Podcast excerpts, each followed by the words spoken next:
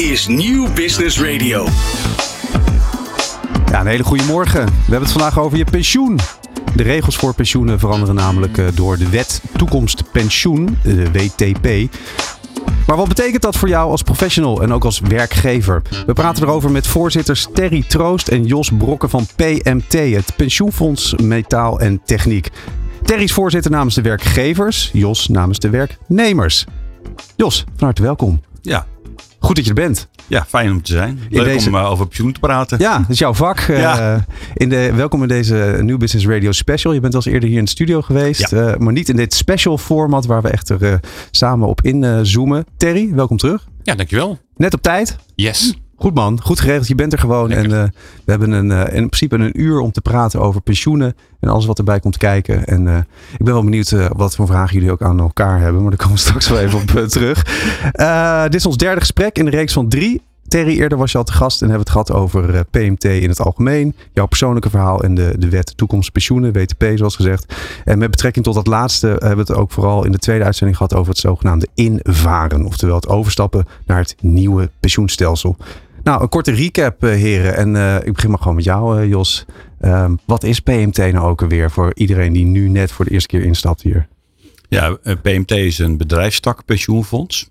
Dus dat is een pensioenfonds die de aanvullende pensioenen regelt bovenop de AOW. Voor alle mensen die in de sector metaaltechniek werken. En dat is een hele brede sector. Dat zijn de mensen die in de metaalbewerking als werken. Zijn de mensen die in de motorvoertuigen werken, in de installatiebranche, in de isolatiebranche. Bij elkaar ruim 400.000 mensen, veelal in technisch uitvoerende beroepen.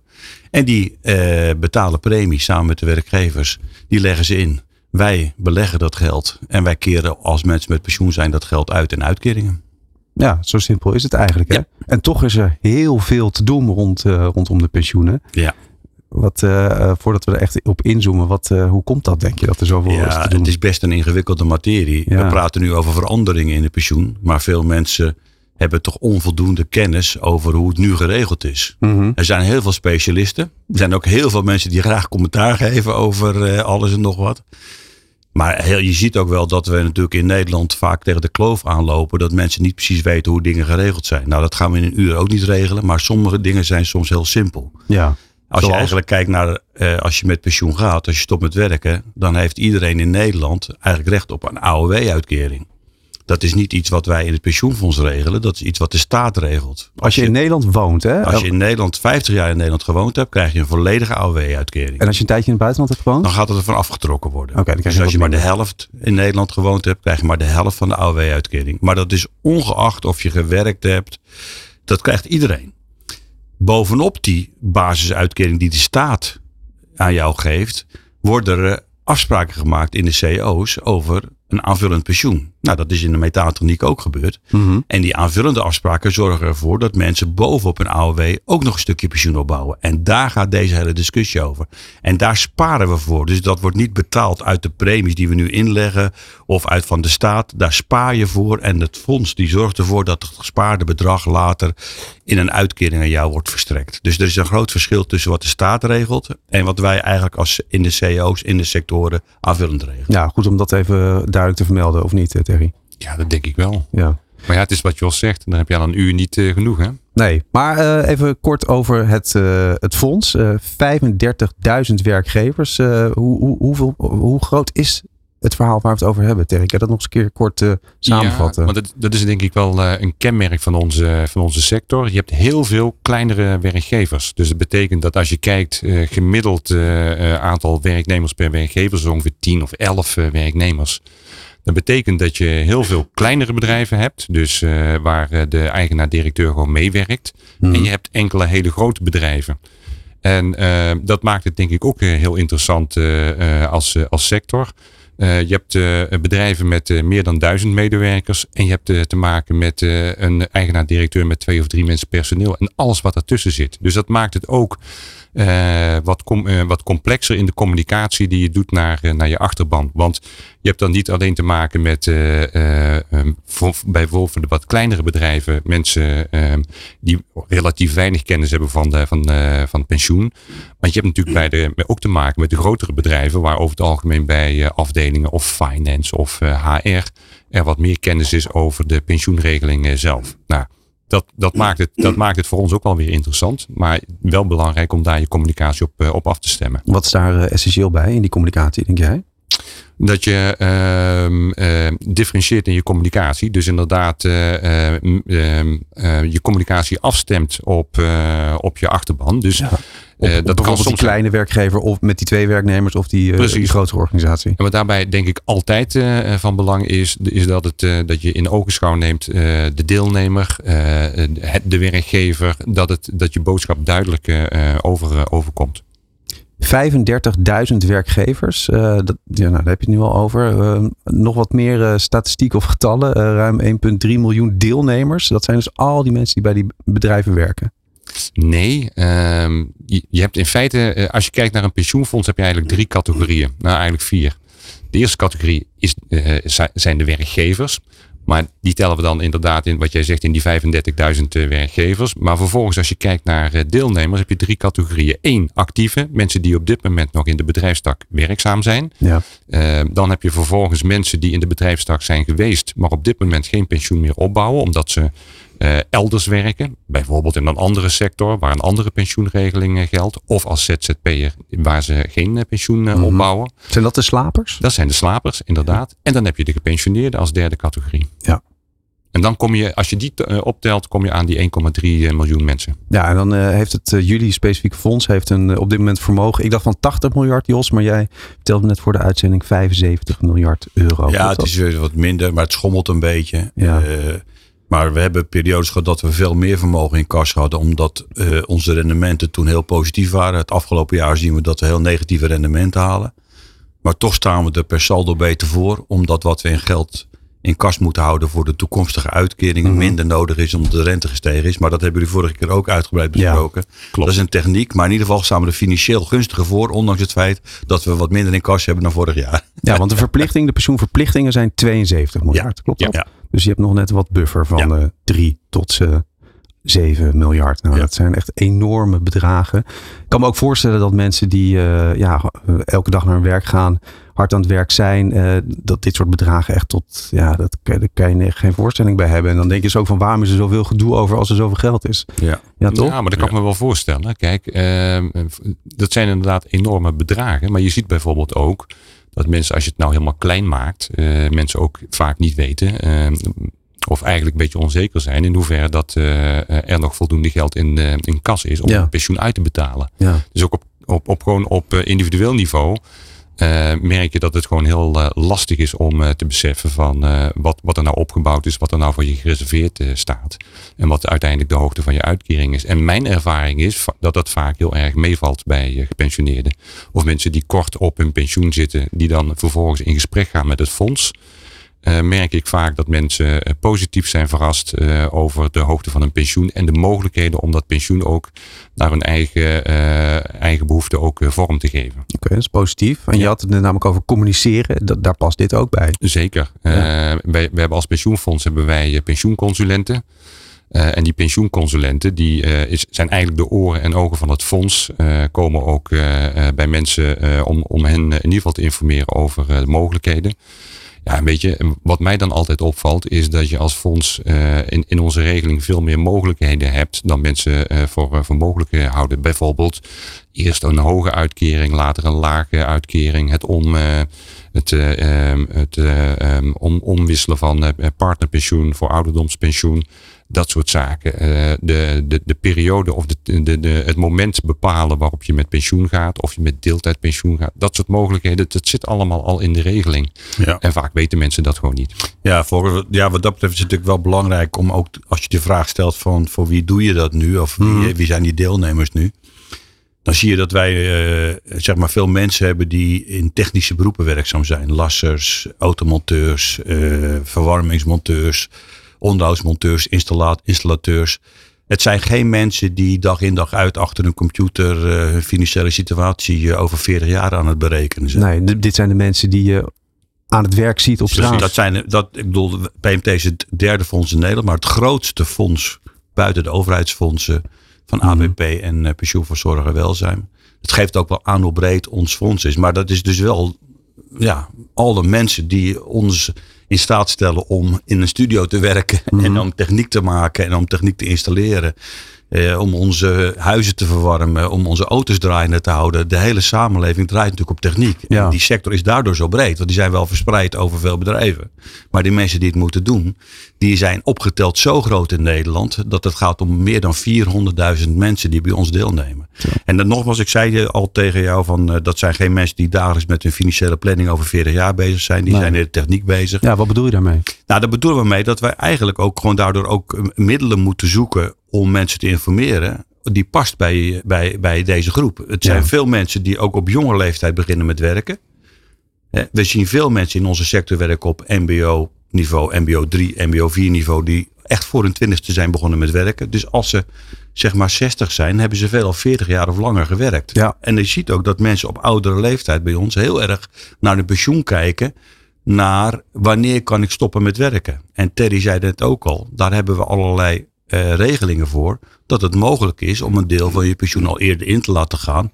Maar ook om wat korter te werken op latere leeftijd. Dat is een afspraak die in de CEO gemaakt is. Maar die moeten wij wel faciliteren. Of zelfs iets eerder te stoppen met zo'n regeling die een beetje lijkt op een VUT-uitkering. Dat heet de regeling vervroegd uittreden. En wij faciliteren die afspraken van sociale partners in de CEO ook allemaal. Omdat dat een vraag is waar veel mensen bij ons komen. En het moment waarop mensen contact opnemen met PMT, met hun pensioenfonds, is ook vaak juist met deze vragen. Ze Ja. hebben tientallen jaren deelgenomen, nooit de vraag gesteld. Niet gekeken naar Niet gekeken naar, de, overzichten. En dan denken ze van, hé, hey, hoe lang wil ik nog blijven werken? En dan is het moment dat ze... En dan is het ook fijn dat wij voorzieningen hebben bij het fonds. Waarbij mensen niet in een abstract, eh, ingewikkeld eh eh formulierencircuit terechtkomen. Maar dat ze kunnen bellen. En dat er ook mensen zijn, zoals de consulenten die wij hebben, hebben we ook echt genomen. Omdat dat ook mensen zijn die met je partner samen Ja. kunnen bekijken hoe ziet je situatie eruit als je nu stopt. Of als je nog een jaar langer doorgaat. Of als je gedeeltelijk stopt met werken. Dus dat zijn hele belangrijke instrumenten voor ons in de communicatie met mensen. Want zijn mensen eh, op dat punt eh, soms ook wel boos? Verontwaardigd? Nou, we maken alles mee. Maar wat Terry net zei, wat wij terugkrijgen uit die gesprekken, is dat mensen over het algemeen geen benul hebben van het feit hoeveel er nou eigenlijk voor ze, voor ze klaar staat. En de meeste mensen zijn toch verrast dat ze toch wel een behoorlijk bedrag bovenop die AOW krijgen. Jos, Ja. je- zou bijna zeggen, ze zouden die envelop toch eens een keer moeten openmaken. Ja, die UPO. ja, dat scheelt je, wel. Ja. Het scheelt wel. Al, eh, ik, ik begrijp dat wel hoor. Want als je ziet, eh, het, het zijn natuurlijk eh, enorme lappen tekst en, en uitleg over eh, opgebouwde pensioen. Ik snap dat wel. Want het is precies wat Jos zegt. Die, onze achterban, dat zijn toch mensen die, eh, die, die bezig zijn met hun vak. Professionals, vakmensen. ja. Ja, dan eh, inderdaad een, eh, een UPO doorlezen ehm, eh, voor, voor iets wat er over 40 jaar staat te gebeuren. Ik kan me voorstellen dat dat lastig is. Dus begrijp het wel. Alleen, eh, ja, en misschien ook in aanvulling daarop. Hè, wij proberen natuurlijk ook in te spelen op gewoon de behoeften van onze deelnemers. Dus dat is bijvoorbeeld ook een stuk digitalisering. Kun je eh, bijvoorbeeld eh, op, eh, op de website of kun je met, met filmpjes, we- webinars, kun je mensen informeren over bijvoorbeeld de, de, de voortgang met betrekking tot WTP, de wet toekomstpensioenen, maar ook met betrekking tot de huidige positie van het fonds, waarin dat we beleggen. Ja. ESG op dit moment heel belangrijk, hè? Klimaat, eh, CO2, dat soort, dat soort zaken. Dus ja. nou goed. En je kan in een radiostudio gaan zitten en een podcast maken, zoals we nu aan het doen zijn. Hey, goed idee. En dan zelf het bruggetje ook maken naar eh, de WTP. Want eh, de wet toekomstpensioen, daar is echt enorm veel over te doen. We hebben het veel over gehad in de vorige twee eh, gesprekken. Ehm, ja, wat is op dit moment de stand van zaken, Terry? Want er worden veel vragen gesteld in de Kamer. Ja, dat is denk ik ook goed. Ik denk dat dat, als je kijkt, hè, de, de hele historie rond deze hervorming. Eigenlijk zijn we er al eh 10, 12 jaar mee bezig. Dat leidt nu tot door deze voorstellen van nieuwe wetgeving. Ik denk dat het, we zien inderdaad heel veel eh, vragen in de Tweede Kamer. Maar ik denk dat dat ook eh, goed is. Eh, er, is nog een aan- eh, er zijn een aantal dingen zijn er nog onduidelijk. Het is prima dat daar over, over gesproken wordt. Ja. Uh, dus dat we de tijd pakken om uh, goed te begrijpen waar, uh, waar we naartoe uh, gaan. Het is denk ik wel uh, van belang dat dit traject inderdaad wordt, wordt voortgezet. En dat vindt ook plaats op 2 december. Ja. gaat gaat de behandeling verder en dat Ja. is denk ik belangrijk. Dat is over een week eh, vanaf nu dat we in, hier in de studio nu zitten. Ja. Wa- Wat verwacht je daarvan, eh 2 december? Poeh, dat, dat vind ik een hele lastige. Nou, er, zal, Jos? er zal nog geen beslissing komen. Het wordt nog een, een behandeling eh, en vragen beantwoord door de minister. De, eh, ik, ik heb begrepen dat eh, men graag wil dat het voor de kerstvakantie duidelijk wordt wat de Tweede Kamer van de totale wet uh, vindt. En dat het dan daarna naar de Eerste Kamer gaat. Mhm. Dus uh, nou, er is een besluit genomen om die hele behandeling in stukjes op te knippen. Dat alle onderdelen behandeld worden. Zodat alle vragen uh, zeg maar goed aan de orde kunnen komen. Er zijn ook uh, wijzigingsvoorstellen worden erin ingediend. Ja, een van de heikele punten is van hoe kun je nou voor zorgen dat mensen die nu nog geen pensioen opbouwen maar wel werknemer zijn, eigenlijk ook pensioen opbouwen. Met name bij uitzendkrachten is dat vaak een probleem. Of mm -hmm. heel weinig of geen pensioen opbouwen. Maar ook de ZZP-discussie. Een heleboel mensen zijn uh, in ZZP-constructies werkzaam. Waarbij er soms sprake is van genoeg reden om het voor jezelf uh, te regelen. Maar ook wel heel veel mensen die toch in een, in een constructie werkzaam zijn. Die heel erg veel lijkt op een werknemerschap. Maar mm. die hebben nog geen uh, pensioen. Mm -hmm. Ja, en dat is ook iets wat uh, nog niet geregeld is. Dus je ziet dat daar heel veel discussies over zijn.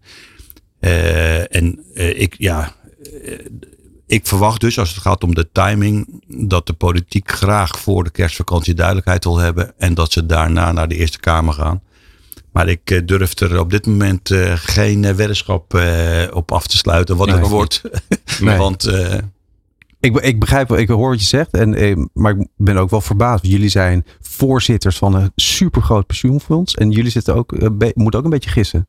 Maar ja, ja. Ik, ik, denk dat het die kant op gaat. Maar... Nou ja, dat komt ook omdat, kijk in 2019 is dat akkoord gesloten. Dat pensioenakkoord. Dat bevatte dingen ook over de AOW. Wanneer gaat de AOW-datum in? Of hoe snel stijgt die? Of niet stijgt die? En ook over kunnen we regelingen voor mensen met zware beroepen, wat voor ons van belang is, ja. ook afspreken in de wetgeving. En daarnaast die inhoudelijke pensioenhervorming. Ja, en dat is daarna vertaald, moet dat vertaald worden in wetten. Dus je hebt wel een principeakkoord gesloten. Dit mm. zijn de hoofdlijnen die we afspreken. Maar die wetten die moeten ook allemaal natuurlijk op papier gesteld worden. En die leiden op allerlei punten op vragen. Ja. Hoe ga je nou straks, hebben jullie het vorige keer uitgebreid over gehad. Hoe ga je nou dat totale vermogen wat we nu hebben voor de latere pensioenuitkeringen. Want het systeem is hetzelfde. Je spaart ja. voor een uitkering later. Dat wordt collectief beheerd en er wordt solidariteit op geregeld, zodat mee- en tegenvallers gedeeld worden. Maar het is eigenlijk niet anders dan wat we nu hebben. Er wordt geld gespaard. Alleen in het nieuwe systeem is het niet meer één groot vermogen. Maar moeten we dat vermogen eerst, om dezelfde doelstelling te bereiken die we nu hebben, in kleinere potjes voor elk individu ja. opsplitsen. Nou, dat levert enorm veel vragen op. Hoe doe je dat dan? Dan gaan we er niet op achteruit. En kunnen we hetzelfde pensioen krijgen? Nou, die rekensommen, dat is echt heel veel techniek. Maar het doel is nog steeds hetzelfde. We ja. sparen geld. Ja. En dat geld willen we uitkeren voor je uitkering later. En dat duurt lang. En ook voor jullie is het uh, in zekere zin dus uh, even aanzien hoe dat zich ontwikkelt de komende tijd. Gaan we het zo meteen uh, meer over hebben na de break. Um, want we gaan even naar de muziek luisteren. Van hippe start-up tot ijzersterke multinational. Iedereen praat mee. Dit is New Business Radio. Topmannen Terry Troost en Jos Brokken van pensioenfonds PMT zijn te gast in deze New Business Radio special over pensioen. Heren, laten we het hebben over het bestuur en de organisatie van uh, PMT. Jullie zijn uh, allebei bestuurders en voorzitter bij uh, PMT. Jos, wat is nou kenmerkend wat jou betreft voor een pensioenfonds als PMT? Nou ja, het is een afspraak tussen CO-partij, werkgeversorganisatie en werknemersorganisatie. Die afspreken hoeveel premie uh, heffen we. Uh, hoeveel uh, draagt de werkgever bij? Hè? Dus ongeveer 40% door de werknemer, 60% door de werkgever. en dat wordt uitgevoerd in een opdracht aan het pensioenfonds. Dus er is zoveel verbinding met die afspraak over arbeidsvoorwaarden. dat in zo'n sector als methaantroniek werkgevers en werknemers het alle twee heel belangrijk vinden dat in het bestuur van het pensioenfonds dat het van hun is. Dat het ja. niet een vreemd instituut is, maar dat het van hun is. En dat kenmerkt zich ook doordat de mensen in het bestuur zitten die, in die uit die sector komen. Jij ook? Ja. Hoe dan? Nou, ik heb uh, vanuit de FNV zit ik in, de, in, de, in het bestuur van het pensioenfonds PMT. En uh, ik ben in 2006 in de metaal met uh, begonnen te werken bij de FNV. en ik, heb, ik ben zelf geen techneut. Ik ben onderhandelaar, bestuurder. Maar ik ken natuurlijk sinds die twaalf jaar natuurlijk wel alle bedrijven, werknemers, beroepen, eh, werkgeversorganisaties. Dus ik kom uit die sector zelf, omdat ik er altijd over onderhandeld heb, omdat ik met mensen gesproken heb. Ja. En, en ik ben herkenbaar voor mensen als een iemand die eh, zeg maar namens hun in dat pensioenfonds zit. Ja, je bent benaderbaar. Zeker. Denk ik. En die, en die kracht van het fonds is de verbinding met de sector, als ik jou goed begrijp. Ja, is heel belangrijk. Ja. Want het is geen uh, anoniem financieel instituut. Nee, we zijn een, een, een, een product van afspraken tussen werkgevers en werknemers in de sector. En wij willen er alles aan doen om vooral ook dat herkenbaar te laten blijven zijn voor mensen van de sector. En jij zit er namens uh, de werknemers. Ja. Lig je dan wel eens in de clinch met Terry? Want hij zit er namens de werkgevers. Nou, weinig omdat die, die clinch situatie doen zich veel meer voor in de opdracht die wij krijgen aan de CEO-tafel. Aan de CEO-tafel zie je dat er veel spanning is over wat mag een pensioen kosten en uh, waar geven het dan uit aan loon of aan andere dingen. Mm -hmm. Daar is met name het gevecht. Maar op het moment dat dat heeft plaatsgevonden, krijgen wij de opdracht, uh, zeg maar, die dat moeten uitvoeren. Het zou gewoon niet goed zijn als wij constant met elkaar in gevecht zijn. Want dan is er eigenlijk iets anders, elders, niet goed afgesproken. Dus over het algemeen zie je juist dat de kracht van zo'n bestuur van PMT is dat dat juist door werkgevers en werknemers samen wordt uitgevoerd. En er zijn wel onderwerpen uh, uh, waar we uh, wel verschillende meningen over hebben, maar het is toch eigenlijk wel heel erg beperkt. Het is veel meer dat we samen willen zorgen dat we een goede uitkering aan de mensen kunnen verstrekken en dat we het goed organiseren. Zie je ook, hè? als je kijkt naar bijvoorbeeld beleggingsbeleid. Pak daar nou van hoe, hoe, hoe beleg je nou het vermogen van het fonds? Ja, daar zit eigenlijk geen tegenstelling uh, tussen werknemer of uh, werkgeversorganisaties. Je kijkt gewoon met, uh, met, met de blik, het belang van die deelnemer, kijk je naar hoe dat je je vermogen het beste kunt laten renderen. Ja. Ja, daar merk ik weinig tegen, tegenstellingen tussen werkgever of werknemersorganisaties. Ook op andere domeinen. Als je bijvoorbeeld kijkt de inrichting van je, van je fonds, de IT-structuur, de dienstverlening naar je deelnemers daar verschillen wij echt niet eh, over uh, van mening. Nee. Het is wel zo dat als je bijvoorbeeld kijkt naar beleggingen, maar daar vind je elkaar eigenlijk ook wel weer.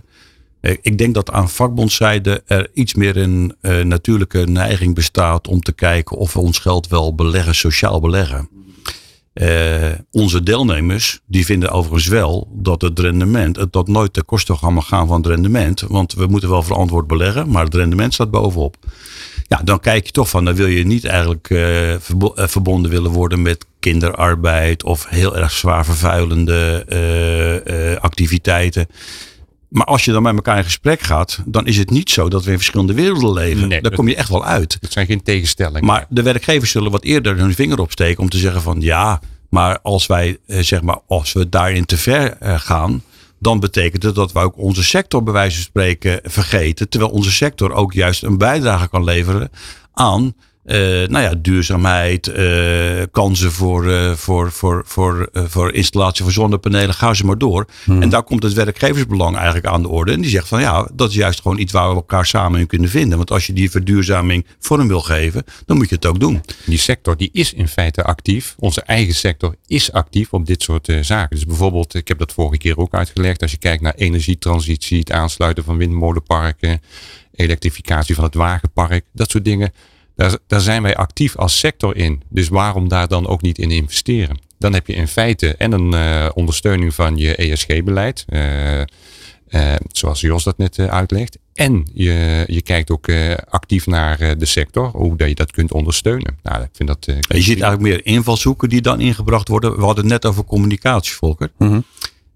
nou, we hebben een sector met 35.000 werkgevers. Dus het is van belang dat die werkgevers betrokken worden bij de ontwikkeling van het pensioenfonds. Want zij zijn veelal in onze sector het aanspreekpunt van werknemers. Hoe gaat het nou eigenlijk? Ik zal vanuit de werknemerskant vooral ook de invalshoek kiezen van worden werknemers goed geïnformeerd over hun pensioen. Dat wil niet zeggen dat er per se een soort tegenstelling is, maar die invalshoeken die breng je wel samen. En dat is denk ik ook de kracht van PMT. Want als het een product zou zijn waar de werkgevers eigenlijk iets zich niet meer in herkennen als een meerwaarde voor hun werknemers, dan gaan ze uiteindelijk ook aan die CEO-tafel zeggen van ja, waarom doen we dit? Ja. Als de werknemers het idee hebben, hey, het is een werkgeversvoorziening, het, ik heb er helemaal geen invloed op, uh, waar gaat het over? Dan zullen ze ook zeggen van ja, waar gaat het eigenlijk over? Dus het is, het is, het is eigenlijk goed dat die invalshoeken samen worden gebracht en ik, die strijd vindt meer aan de CEO-tafel plaats. En jullie zitten hier nu met z'n tweeën. Uh, wie zit er nog meer in, uh, in de organisatie, in het bestuur? Hoe ziet dat eruit? Ja, we hebben een, een bestuur van twaalf mensen. Uh, en in die twaalf mensen zie je die, die, die verschillende geledingen, die pariteit zoals het al heet, die werkgevers, werknemers zie je terug. Er zijn er zes namens de werkgevers mm -hmm. en zes namens de werknemers. En aan werknemerszijde moeten daar ook twee zetels uh, worden gereserveerd voor degene die namens de gepensioneerden erin uh, in zitten. Mm -hmm. En in die zes zetels aan werkgevers en zes zetels aan werknemerszijde is het zo dat alleen maar het kopje werknemers eigenlijk gewoon niet voldoende is om in zo'n groot bestuur te kunnen zitten. Want je moet voldoende kennis hebben over uh, nou ja, actuariële vraagstukken, beleggingsvraagstukken, over allerlei andere zaken die met pensioenen te maken hebben voordat je in zo'n bestuur komt. Want we worden allemaal ook getoetst en getest door de Nederlandse bank die toezicht houdt op pensioenfondsen. Dus het is niet zo dat alleen maar het zijn van een achtergrond van werknemers of werkgevers voldoende is. Daarna worden er allerlei andere eisen aan je gesteld waar je aan moet voldoen om in zo'n pensioenfonds te kunnen acteren. Ja, dan hebben we het over twaalf mensen, maar er is ook nog een uh, raad van toezicht en een uh, bestuursbureau. Wat zijn dat voor uh, elementen in de organisatie? Ons bestuursbureau is onze staf. Die ondersteunt ons op het gebied van publiciteit, op het gebied van uh, beleggingen, op het gebied van pensioenuitkeringen, administratie. Uh, op het gebied van juridische zaken. Dat is echt een stafbureau wat we hebben. Ja, Ria die hier ook is, Ria, die jullie uh, supergoed helpt. Ja, ja. Ja, Ria die is belangrijk voor ons ook. Van uh, ja, alle contacten met de media is, is, is gewoon, hebben we gewoon professionals voor nodig. Nou hebben wij gelukkig de beste, dus dat, dat scheelt wel een stuk. Precies, dat, dat scheelt heel veel. Dat is het bestuursbureau. Dan heb je nog de Raad van Toezicht. wat heeft die in de dagelijks gang van zaken, ja, wat heb jij, jij daarmee te maken? Ja, de Raad van Toezicht, die, is door die, die ziet erop toe dat wij alles zorgvuldig doen. Dus dat we niet te makkelijk beslissingen nemen, maar zeggen van heb je daar wel goed over nagedacht? Ja. Heb je goed alternatieven afgewogen?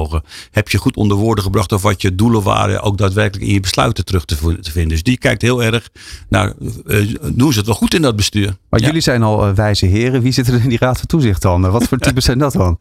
Nog meer. Nog wijzer. nog wijzer. Nou, dat zijn mensen die natuurlijk uh, ervaring hebben op dit soort functies over het algemeen hebben die ook uh, andere, andere taken, andere rollen bij andere uh, toezichthoudende uh, functies. Ja. Dus het, weet je, dat zijn mensen die, die, die gepokt en gemazeld zijn binnen, binnen de sector. En ja, die weten dus een beetje hoe dat zo'n fonds draait. En weten ook daar waar, waar aandacht voor nodig is. is. Ik vind dat ook wel goed hoor. Dat de, de gesprekken die we daarmee voeren, mm. het scherpt ons ook aan Precies. in ons beleid. Hè? Ja, het houdt jou scherp in, yes. jullie allebei. Yes. Uh, Jos, wij zijn beide historici, zijn we achtergekomen. We hebben geschiedenis ja. ooit gestudeerd. Um, dat begin ik over omdat ik ook wel benieuwd ben waarom dit hele fonds er is en waar is dat uit ontstaan. Want het lijkt er wel op dat we in Nederland heel veel van dit soort, de, ja, de pensioen, dat denkt men, is goed geregeld. Dat is een soort van erin gebakken. Maar waar, waar komt dat vandaan? Ja, dat is niet zo. Hè? Dat, dat, nou, dat verschijnsel begon natuurlijk al met de industrialisatie in Nederland. Waarbij mensen natuurlijk in grootschalige verbanden eigenlijk ook een oude dagsvoorziening uh, moesten regelen. En dat was meer op, in, op bedrijfsniveau gebeurde dat. Stork is een van de oudste pensioenfondsen in Nederland. Maar je zag in de jaren dertig met de crisis die er ontstond, uh, uh, wat iedereen kent, waar ook het fascisme uit is voortgekomen en een Tweede Wereldoorlog uit ontstaan. Ja, is bijna honderd jaar geleden. Hè? Ja, maar de, de, zorg was groot dat eigenlijk verarming van mensen uiteindelijk ook zou kunnen leiden tot extreme situaties. En je kunt wat het ook gedaan heeft natuurlijk. Je kunt de Tweede Wereldoorlog niet loszien van de, wat er in de jaren dertig gebeurde met armoede en uh, wanhoop bij mensen. En de hoop uh, die uh, mensen dan ontlenen aan grote avonturen en oorlogen. En na de oorlog heeft men ook wel gedacht, en dat is de vlucht die pensioenen in Nederland genomen heeft. Van we hebben wel allerlei pensioenregelingen, maar het is eigenlijk allemaal een beetje versnipperd. Eigenlijk zouden we moeten willen voorkomen dat mensen in armoede vervallen als ze uh, zeg maar met pensioen gaan. Dus we moeten zorgen dat als er afspraken gemaakt worden uh, over pensioenen, dat die over een hele sector door iedereen verplicht kan worden gesteld. Als er een afspraak is in de CEO over een pensioenregeling, dan hoeven we dat niet per bedrijf af te spreken, dan geldt die voor iedereen. En daarmee voorkomen we dat er hele grote groepen, als ze eenmaal met pensioen zijn, eigenlijk in armoede terugvallen. En dat heeft ertoe geleid dat er allerlei initiatieven genomen werden na de oorlog in Nederland om ja. bestaande pensioeninitiatieven te bundelen en voor de hele sector afspraken te maken. En zo is PMT ook ontstaan. In 1948? Ja, ja, ja. ja toen zijn we eh, vertegenwoordigers van, eh, van werkgeversorganisaties. Volgens mij waren ze vooral in de loodgietersector in eerste instantie actief. En vertegenwoordigers van werknemersorganisaties. Toen nog had je uh, nog de NKV, de Katholieke Vakbond en het NVV. Oh ja. In de verzuiling. En die zijn samengegaan later in FNV. Maar goed, die hebben, die hebben samen gezegd van nou wij gaan die afspraken die er eigenlijk nu op centraal niveau gemaakt worden om die armoede in de toekomst te voorkomen invulling geven, ook in onze sector. Dus die hebben eigenlijk voorbereiding getroffen om een pensioensector voor de hele, eh, hele branche te gaan eh, afspreken. Ik weet niet eh, of ik eh, dit aan je kan vragen, maar hoe, kan- hoe, hoe is dat eh, vergeleken met de rest van Europa bijvoorbeeld? Hoe is dat in, in Duitsland en België? Nou, Duitsland is geen goed, goed voorbeeld, maar in België. Ja, wel, heel goed voorbeeld. Ja? wel een heel goed voorbeeld. Nou ja, je ziet dat de armoede in Nederland is, als je dat vergelijkt met andere landen in Europa, onder ouderen het minst. We hebben dus de hoogste levensstandaardniveau gemiddeld voor ouderen. Dat wil niet zeggen dat er geen armoede onder ouderen bestaat. Mhm. Zeker met die hoge inflatie. Maar vergeleken bij andere landen is het gemiddelde inkomen ten opzichte van het, het loon dat ze hadden dat ze werkten het beste. En dat komt omdat dit systeem al tientallen jaren eigenlijk ervoor gezorgd heeft dat we gewoon geld gespaard hebben voor de oude dag. Ja. Maar als je dat ziet in andere landen is het niet altijd zo geregeld. Bijvoorbeeld Duitsland. Dan zie je dat er eigenlijk weinig gedaan is aan, aan, aan aanvullende pensioenen op sectoraal niveau. Grote bedrijven zoals Mercedes, Volkswagen, Bosch, die hebben allemaal hele goede aanvullende regelingen. Maar als je in de midden- en kleinbedrijven in de metaal in Duitsland werkt, dan heb je een goede kans dat er helemaal niks voor je ouderdomspensioen geregeld is. Dus het gemiddelde niveau van inkomen voor ouderen in Duitsland ligt echt gemiddeld ver onder het niveau in Nederland. Ze hebben niet diezelfde ontwikkeling meegemaakt als wij hier in Nederland na Nee. eh, de Tweede Wereldoorlog. nee, ze hebben veel meer gedacht van we doen het allemaal via de AOW. Die eerste pijler, wat wij eh voor staatsuitkering hebben. Ja. En dat hebben ze wel nog wat vermengd met dat het hoger is als je een aantal jaren gewerkt hebt. Maar als je echt tot een niveau wil komen wat zich een beetje verhoudt tot je inkomen dat je toen je werkte, dat kunnen ze in heel veel gevallen in Duitsland voor miljoenen mensen niet waarmaken. En België dan? Want dat zijn natuurlijk eigenlijk onze echte, misschien nog wel dichtbijere buren. Ja, die hebben dat ook veel minder goed geregeld dan wij. Ook daar ligt het eh, gemiddelde inkomensniveau van ouderen veel lager. Daar zeggen ze ook wel vaak van, eh, nou ja, je huis is een belangrijk bezit voor je, voor je latere uitkering. Want die heb je dag. Om eh, te verkopen of om gratis te kunnen wonen. Want anders kom je er niet door. Dus dan die, die gezamenlijke uit. En daar zijn ze ook allemaal naar ons aan het kijken. Hoe hebben jullie het allemaal, en, hè, hoe hebben jullie het allemaal godsnaam gedaan destijds? Want dat is zo goed effect wat jullie zo, er nu zo voor zijn. Maar ja, het is wel een, iets wat je niet in één jaar kunt, eh, kunt krijgen. Dat is tientallen jaren sparen. Ja, ja, daar gaan decennia overheen. Eh, Terry, waarom moeten we jou ook even aankijken bij België? Nou, niet alleen voor België. Ehm, mijn antwoord zou heel kort zijn op jouw vraag. Ik kijk dan, eh, er wordt jaarlijks wordt er onderzoek gedaan naar eh, de kwaliteit van pensioenstelsels. Eh, ik denk dat Nederland altijd in de top drie zit. Of wij zijn door Mercer, dat is het onderzoeksbureau, zijn wij of het beste of het één na beste pensioenstelsel van, van de wereld. Dus als je dan wil kijken naar hoe verhoudt zich dat dan tot andere landen, kijk Ja. ik altijd naar die index. En daar, daar scoren wij als land heel erg goed. Wie scoort er nummer 1 dan? Ja, dat is wisselend. Volgens mij is dat nou IJsland. Ik kijk Jos, Ja. mij Ah. is dat IJsland. En? Ik, ik moet meteen aan Zwitserland denken, maar misschien is dat helemaal niet te terecht. Nee, Denemarken staat Is daar allemaal juist eh, ieder voor zich. Nee. Nee, nee, nee. Ja. Maar, Scandinavië heeft het ook goed geregeld. ja. Ja? Eh, nou ja, IJsland, de, eh, Scandinavië, Nederland, die staan bovenaan. Oké. Het is wel Noordwest-Europa, zeg maar, Ja. wat, eh, wat Ja. goed scoort Ja. daarbij. Ja. Oké, zometeen eh, na de break praten we verder. En dan eh, kijken we ook een beetje naar de toekomst. Want eh, jullie zitten hier nu, maar jullie krijgen op een gegeven moment eh, ook weer eh, nieuwe mensen in de organisatie. Zeker. En eh, ik ben benieuwd hoe dat allemaal gaat.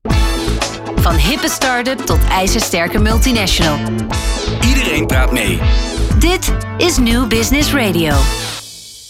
Topmannen Terry Troost en Jos Brokken van pensioenfonds PMT eh, zijn eh, te gast in deze New Business Radio special over pensioen. Heren, laten we het in het eh, laatste deel van het gesprek eh, hebben over eh, de toekomst. Een kleine blik op de toekomst werpen.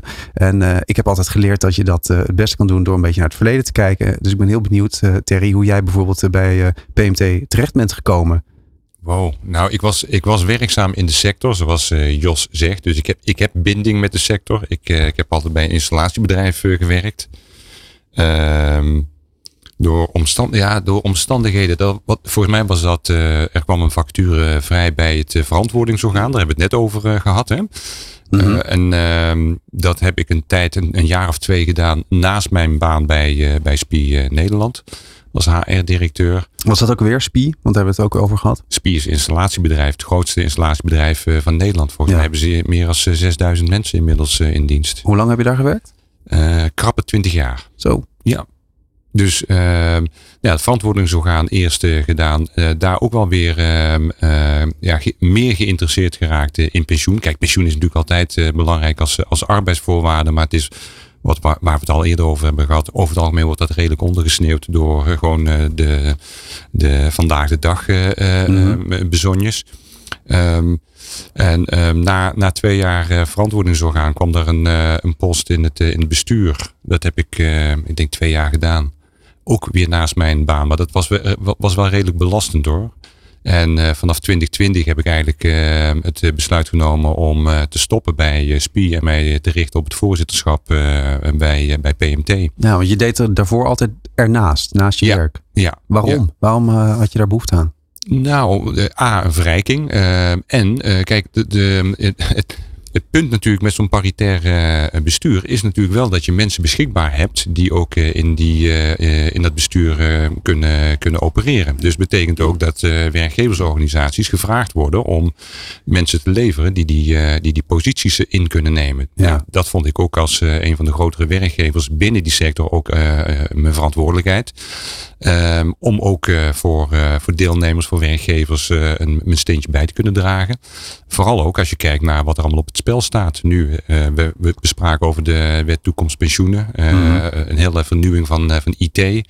Ehm, dus er is zoveel te doen op dit moment binnen die pensioenwereld. Dan denk ik dat het goed is om ook eh, vanuit de binding met, met de sector. om daar een bijdrage aan te kunnen leveren.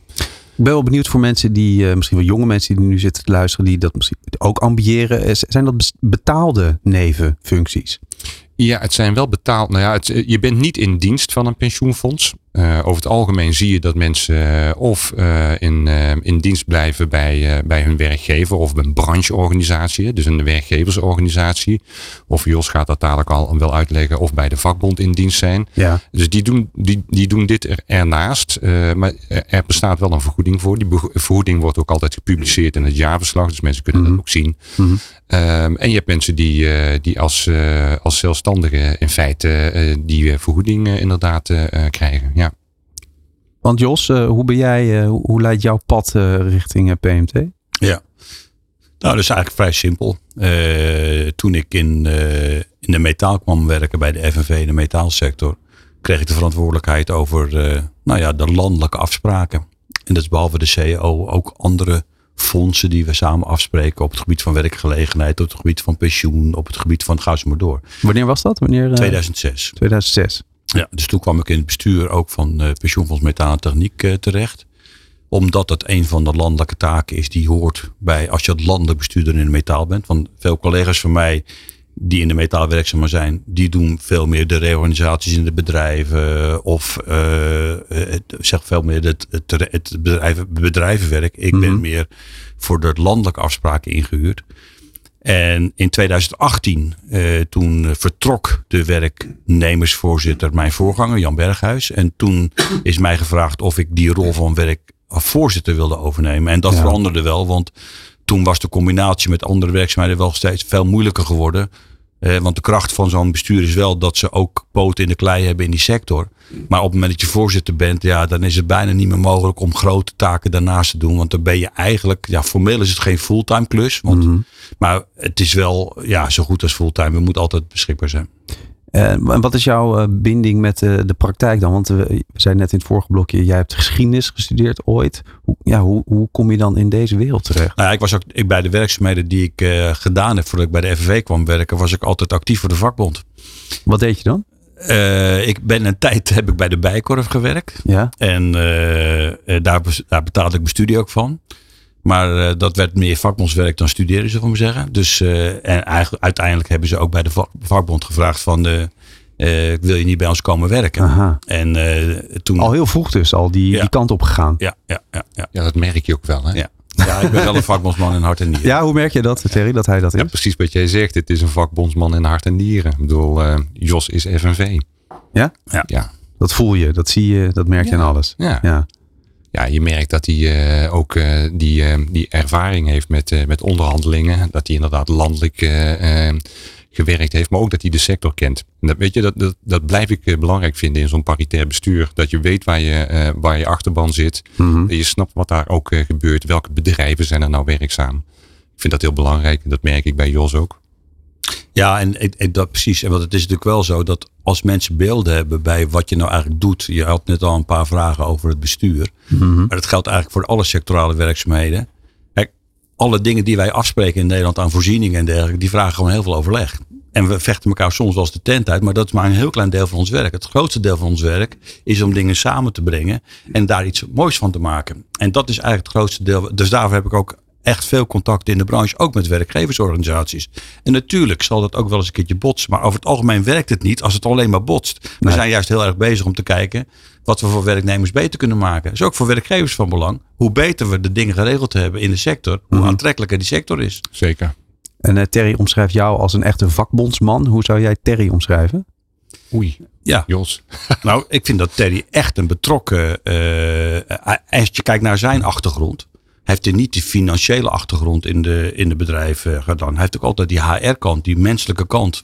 De toegevoegde waarde van een goed sociaal beleid. Ook voor de bedrijven voor ogen gehad. Het is niet voor niets dat mensen met zo'n eh, achtergrond ook kiezen voor eh, actief te zijn voor een vakbond. Omdat ze die meerwaarde van eh, ja, zeg maar, eh, eh, de werknemers, voor de voorzieningen voor werknemers, ook voor het bedrijf zien.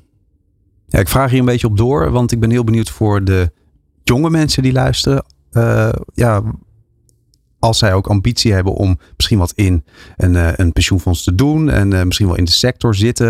ja, wat dan kernkwaliteit zijn of in ieder geval belangrijke dingen om ja, in je te hebben of in ieder geval te willen hebben om, om die kant op te gaan. Is daar wat over te zeggen? Vragen jullie beiden. Wat, wat ik een hele belangrijke vind is. ehm, wat mij verbaasde toen ik eh, in het fonds wat actiever werd, is. ehm, kijk, mijn beeld van zo'n fonds is ook een beetje, een beetje slaperig, een beetje, een beetje saai. eh, pensioenen over 40. Ja, ja, 50 sorry dat ik zeg, maar pensioenfonds het is niet echt heel erg showbiz, zeg maar. Nee, nee, volgens, nee volgens mij, ja, jij zit dan weer anders natuurlijk met, met showbiz. Maar, nee, maar wat je bijvoorbeeld wel ziet, wat, mij, wat mij verbaasde, is ook in een pensioenfonds kijk je bijvoorbeeld naar dienstverlening. Dan kijk je bijvoorbeeld naar toepassingen op IT-gebied.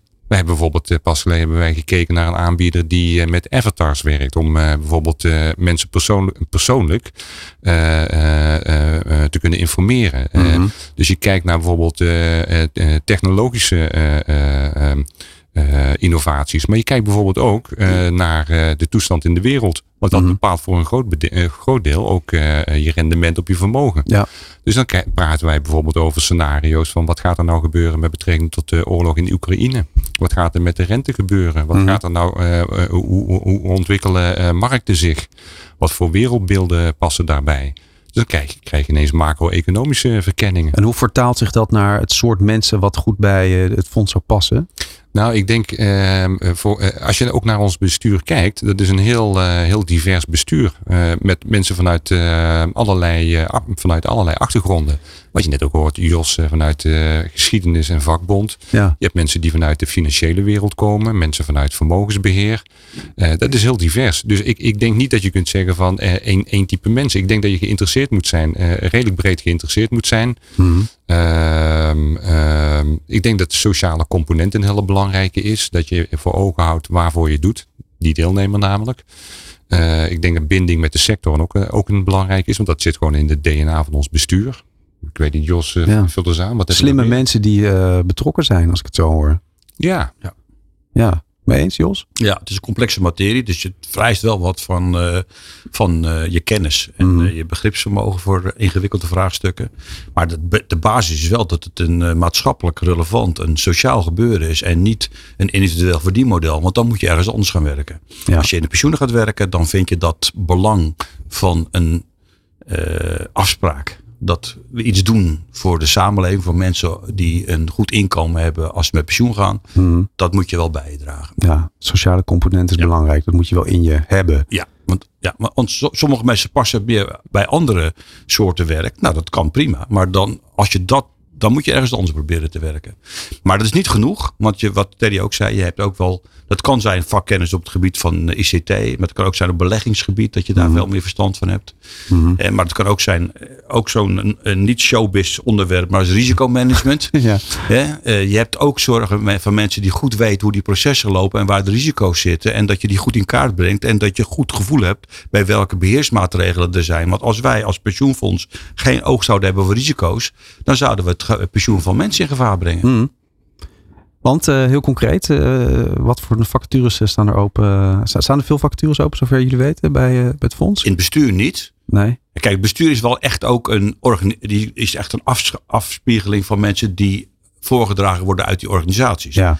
Maar als je kijkt naar ons bestuursbureau, Ja. als je kijkt naar de uitvoering, die de mensen die dagelijks ons geld beleggen en die de uitkeringen verzorgen, dat zijn, dat zijn, dat zijn hele grote organisaties. En men in dit verband. Ja. En daar zijn allerlei vacatures op het gebied van communicatie, ICT, beleggingen, eh, nou, ja, van allerlei. Noem maar op. Noem maar eh, op. Je, je kan Ja. er terecht, zeg Ja. maar.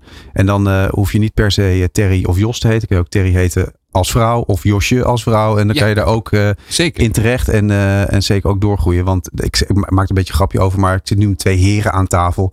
Ik zou het wel tof vinden om dit gesprek ook een keer te hebben met, eh, met een paar dames die eh, dan in het bestuur zitten. Gaan we regelen? Ja, Ja, dat kan. Ga je regelen? dat kan ook. Nou, deal. Ja, gaan we regelen. Er zijn al, eh, eh, we hebben, het is een mannenwereld, eh, pensioenwereld, maar ook zeker de metaal. 90% mannen, 10% Ja, vrouwen. ja, joh. En wij hebben in ons, eh, in ons bestuur nu drie vrouwen, maar we willen dat graag uitbreiden. En wie weet komt er een nieuwe voorzitter die geen man is. Mooi. Nou, laten we daarmee afsluiten, want eh, we zijn aan het eind gekomen van deze New Business Radio special over pensioen. Te gast waren voorzitters Terry Troost en Jos Brokken van PMT, het pensioenfonds Metaal en Techniek. Terry is voorzitter namens de werkgevers, Jos namens de werknemers. Dankjewel heren. Dank je. Graag gedaan. Mooi dat jullie er waren. Ons gesprek eh, vandaag is het laatste van drie delen. Je kan alle drie delen eh, als podcast terug horen op de sites van New Business Radio en eh, PMT. En natuurlijk in je eigen favoriete podcast app. Voor nu, bedankt voor het luisteren. Dit is Nieuw Business Radio.